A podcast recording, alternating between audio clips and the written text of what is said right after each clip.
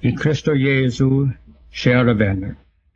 Vår text står skrivet i e, första kapitlet av den Petri första brev, där vi läser Och om i så som fader och den som utan anseende till person dömer efter vars och ens gärning, så vandrar ni fruktan under eder främlingskapstid, främlingskapstid, vetande att icke med förgängliga ting, silver eller guld, haven blivit återlösta från eder fåfängliga fäderna ärvda leverne, utan med Kristi dyra blod, såsom ett felfritt och obesmittat lams, vilken väl var förutbestämt för världens grundläggning, men i de yttersta tiderna blivit uppenbarad för eders skull, som genom honom tron på Gud, vilken har uppväckt honom från de döda och givit honom härlighet, på det att i skullen hava tro och hopp till Gud. Gör en edra själar rena i sanningens lydnad till oskrymtad brödrakärlek och älsken varandra innerligt av ett rent hjärta, såsom föder på nytt, icke av förgängligt utan av oförgängligt säde genom Guds levande ord som förbliver evinnerligen. Ty allt kött är såsom gräs och all dess härlighet såsom blomster på gräs.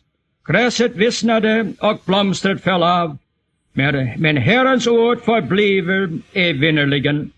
Och detta är det ord som har blivit såsom ett glatt budskap förkunnat ibland eder. Kära vänner i Kristus. När Dr. Martin Luther i sin förklaring av den andra artikeln i tros, trosbekännelsen skrev att vår Herre Jesus Kristus har återlöst oss från alla våra synder, från döden och från djävulens makt, icke med guld eller silver, utan med sitt heliga och dyra blod, måste han ha haft den här texten i tankarna. Ty även om det finns många texter i skriften som talar om Herrens blod, så är dock den här texten den enda i hela skriften som brukar det här speciellt uttrycket Kristi dyra blod. På det här uttrycket ska vi eh, giva akt i vår betraktelse, i, betraktelse idag. Kristi blod är ett dyrt blod på grund av vad det är. Krist, hans blod är, för det första, blodet av en syndfri, fullkomlig människa. Petrus säger att det är ett felfritt och obesmittat lams blod. I dessa ord visar han på vår Herre Jesu syndfrihet och fullkomlighet. Skriften betonar ofta kraftigt och tydligt att alla människor är syndare och att de därför har förtjänat att de skulle dö. Med vårt textspråkbruk kunde vi säga att de har förtjänat att deras blod skulle bli utgjutet som, ett, som en betalning och ett straff för deras synder. Men skriften betonar med samma kraft och tydlighet att det finns ett undantag på, av denna allmänna regel att det inte finns någon rättfärdig på jorden, icke en enda, som gör det gott är. Innan Jesus var född sade ängeln Gabriel till jungfrun Maria att hennes son, som skulle födas av henne, skulle vara helig, utan synd. Och när Jesus hängde på korset, som en brottsling som var straffad för sin brottslighet, gav en verklig brottsling, som hade kommit att se Jesus för vad han verkligen är, var honom detta vittnesbörd. Denna har intet ont gjort. Pontius Pilatus som dämde honom till korset sade, jag finner intet brottsligt hos denna man. Pilatus hustru sade att han var en rättfärdig man. Judas som förrådde honom sade att hans blod var oskyldigt blod. Men mycket mer betydelsefullt än Pilatus och hans hustrus vittnesbörd, mycket mer betydelsefullt än vittnesbördet givet av Judas eller den korsfäste rövaren, är Guds eget vittnesbörd som är givet i skriften, nämligen att han inte hade gjort någon orätt och att svek icke fanns i hans mun, att han icke visste av synd, att han varit frestad i allting så som vi, dock utan synd, eller så som Petrus säger i vår text, att han var ett felfritt och obesmittat lamm. Men Jesu blod var mycket mer än en syndfri och fullkomlig människas blod. Det är så som Petrus säger i vår text, Kristi dyra blod. För att förstå vad Petrus tänkte när han sade att det var Kristi blod, Messias blod, så måste vi gå tillbaka till en dag många år innan Petrus skrev dessa ord. När Jesus och hans lärjungar var nära Caesarea Filippi och frälsaren frågade dem om de visste var, vem han egentligen var. Ni kommer ihåg att det var Petrus som denna gång svarade, du är Kristus, du är Messias, den levande Gudens son. Om Kristus är den levande Gudens son, så måste det också vara sant att Kristi blod är den levande Gudens sons blod. Det är därför inte överraskande när Petrus benämner det ett ditt blod. Detta slags blod finner du på intet annat ställe i hela världen. Vi kan även säga att det är mirakulöst blod. Det är verkligen det slags blod som enligt mänskligt förnuft inte kan existera. Ty Gud, som ni vet, är en ande. Och vi vet också, också att skriften säger att en ande har inte kött eller ben. Och på denna grund säger mänskligt förnuft att Gud som är en ande kan inte ha blod. Men Bibeln berättar att i Jesus Kristus har Gud själv blivit människa. Att i honom det eviga ordet, som hade gjort allting, har blivit kött. Han var Gud i den fullkomliga betydelsen av dessa ord. Hans röst var Guds röst, som kunde kalla på Lazarus och befalla honom att komma ut ur graven. Hans händer var Guds händer, som kunde röra vid en spetälsk man och göra honom ren.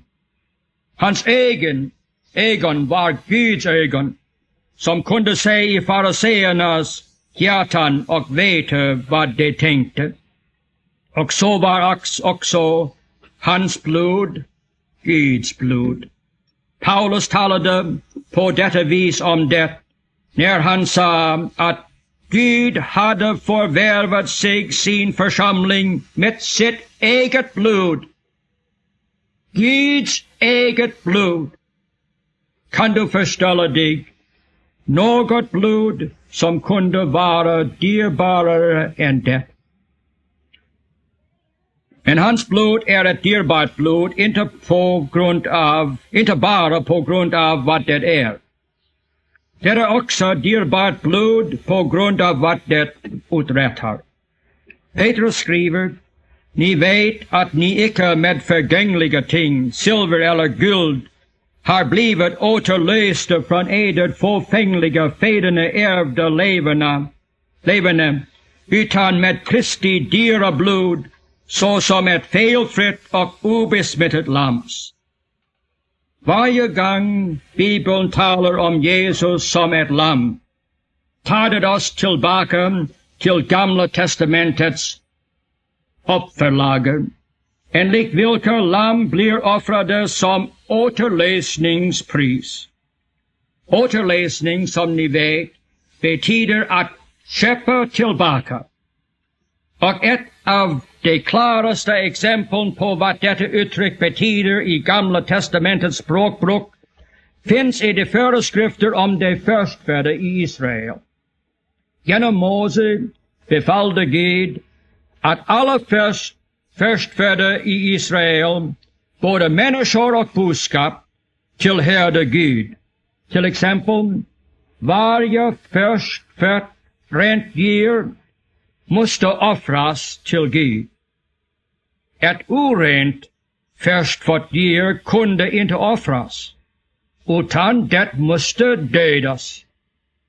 Men om en, en judisk lantbrukare önskade behålla ett sådant djur, kunde han återläsa det. Han kunde köpa det tillbaka från Gud. Om han offrade ett rent lamm i det orena djurets ställe. På samma sätt har Gud återlöst oss med Kristi dyra blod. När Petrus skriver i vår text att vi har blivit återlösta med Kristi dyra blod, såsom ett, såsom ett felfritt och obesmittat lams, så erinrar han oss att vi borde dö, såsom det orena djuret borde dödas. Syndens lön är er döden, säger aposteln Paulus. Och profeten Hesekiel skriver, den, den som syndar, han ska dö. På grund av våra synder har vi förtjänat att dö, inte bara timligen och lekamligen här på jorden, utan också evinnerligen i helvetet, i en evig skilsmässa från Gud. Petrus erinrar sina läsare om deras synder, genom vilka de har förtjänat att dö, när han talar om deras fåfängliga, fäderna ärvda leverne.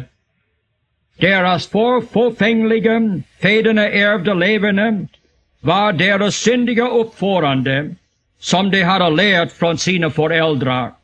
Och vi kan också här tänka på det syndafördärv som hade kommit till dem genom födelsen. Han erinrar dem också om vad som väntade dem på grund av deras syndlighet. När han citerar Gamla testamentet som säger att allt kött är så som gräs och all dess härlighet så som blomster på gräs. Gräset vissnade och blomstret föll av. Det är en poetisk bild för döden som ska komma över alla människor och också för förlusten av allting som är dyrbart för, de, för dem i denna världen. Petrus erinrar dem även att detta inte är slutet. Till vår text början, början talar han om den Gud som utan anseende till personen dömer efter vars och ens gärningar.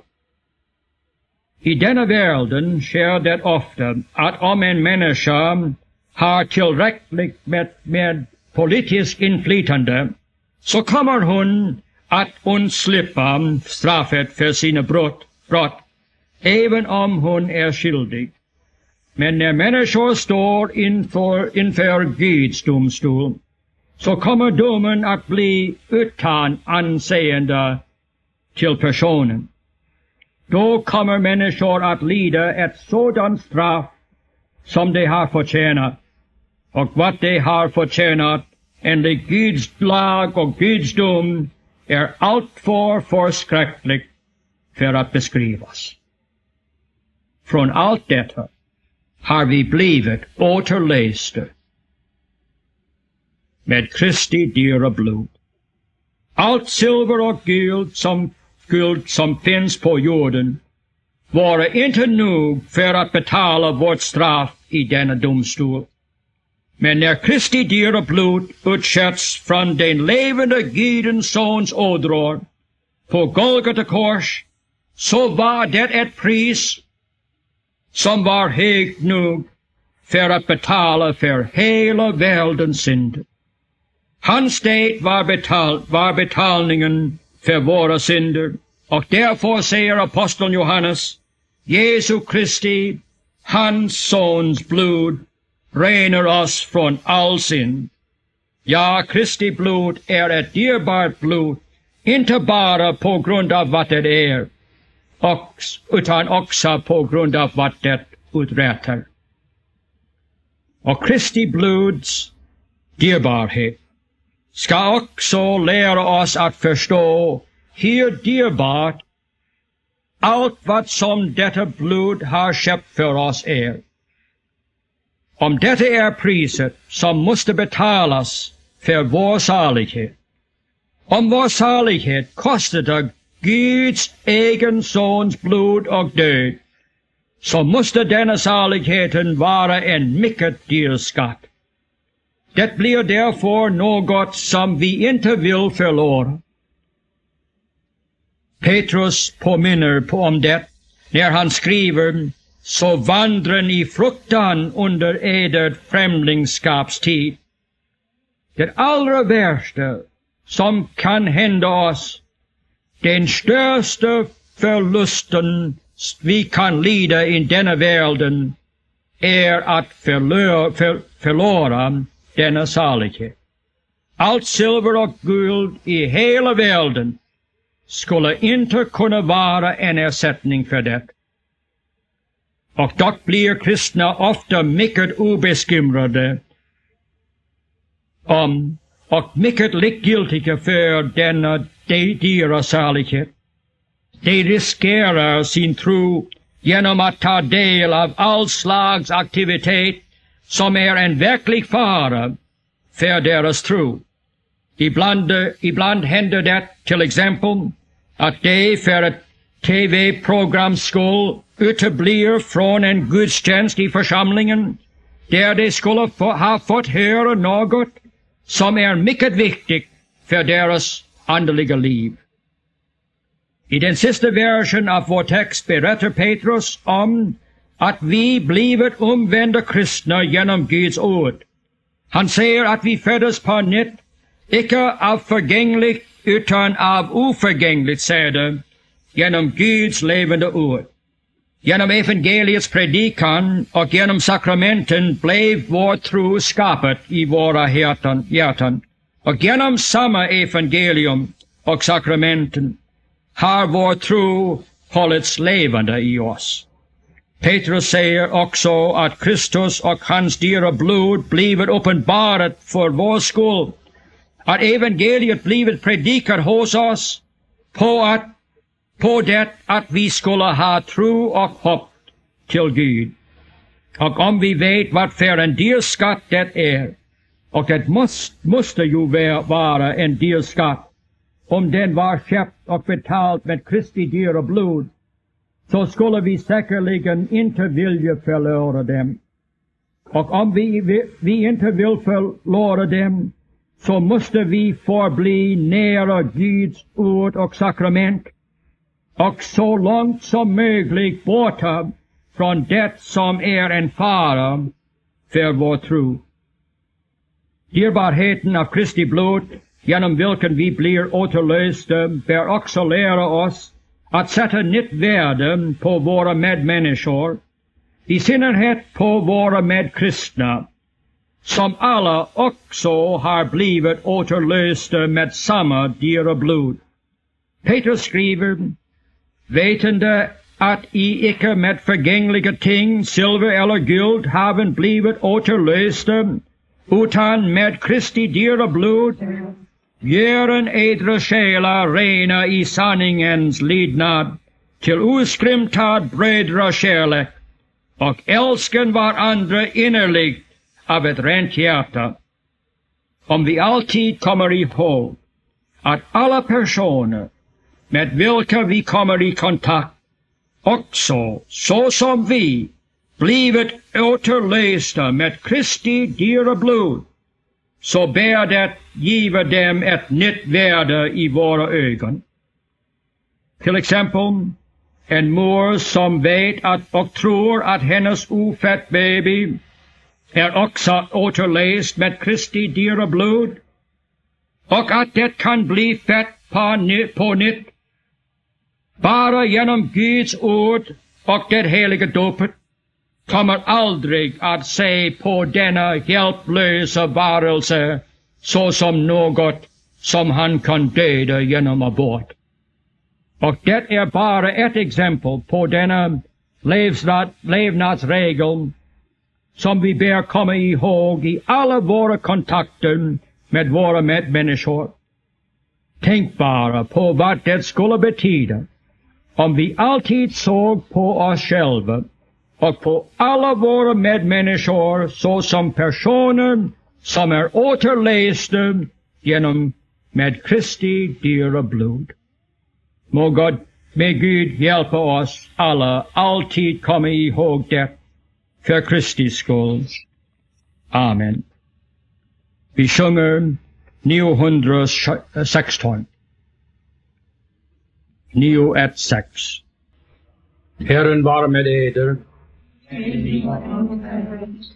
Låt oss, be, låt oss bedja. Dig eviga och allsmäktiga Gud, allting skapare och beskärmare, åkallar vi. Var oss nådig för Krist Jesu Kristi skull och tänk icke på våra synder. Helge och regera oss med din heliga Ande och giv oss nåd att efter ditt ord vandra i ett heligt levande.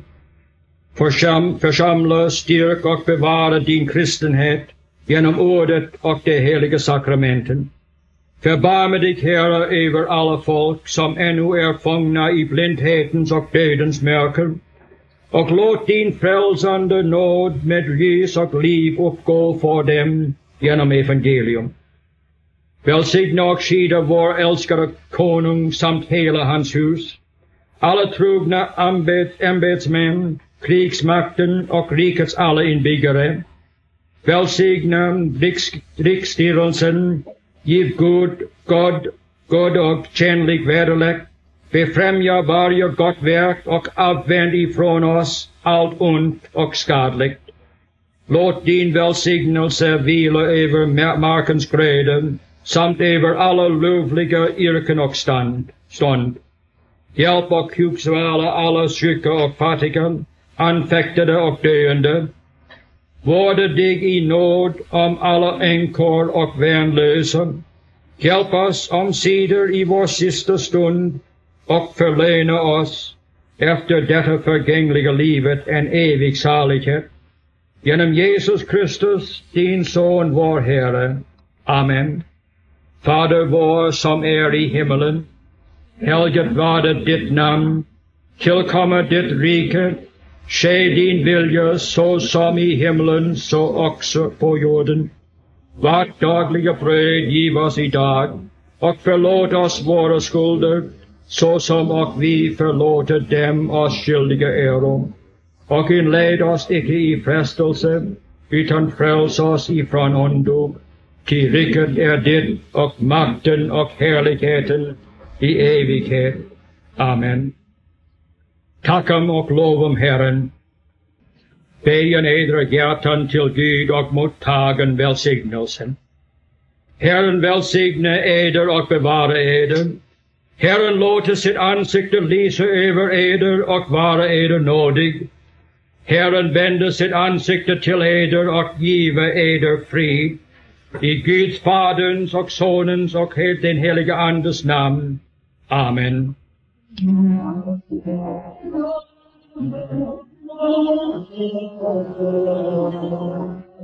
you.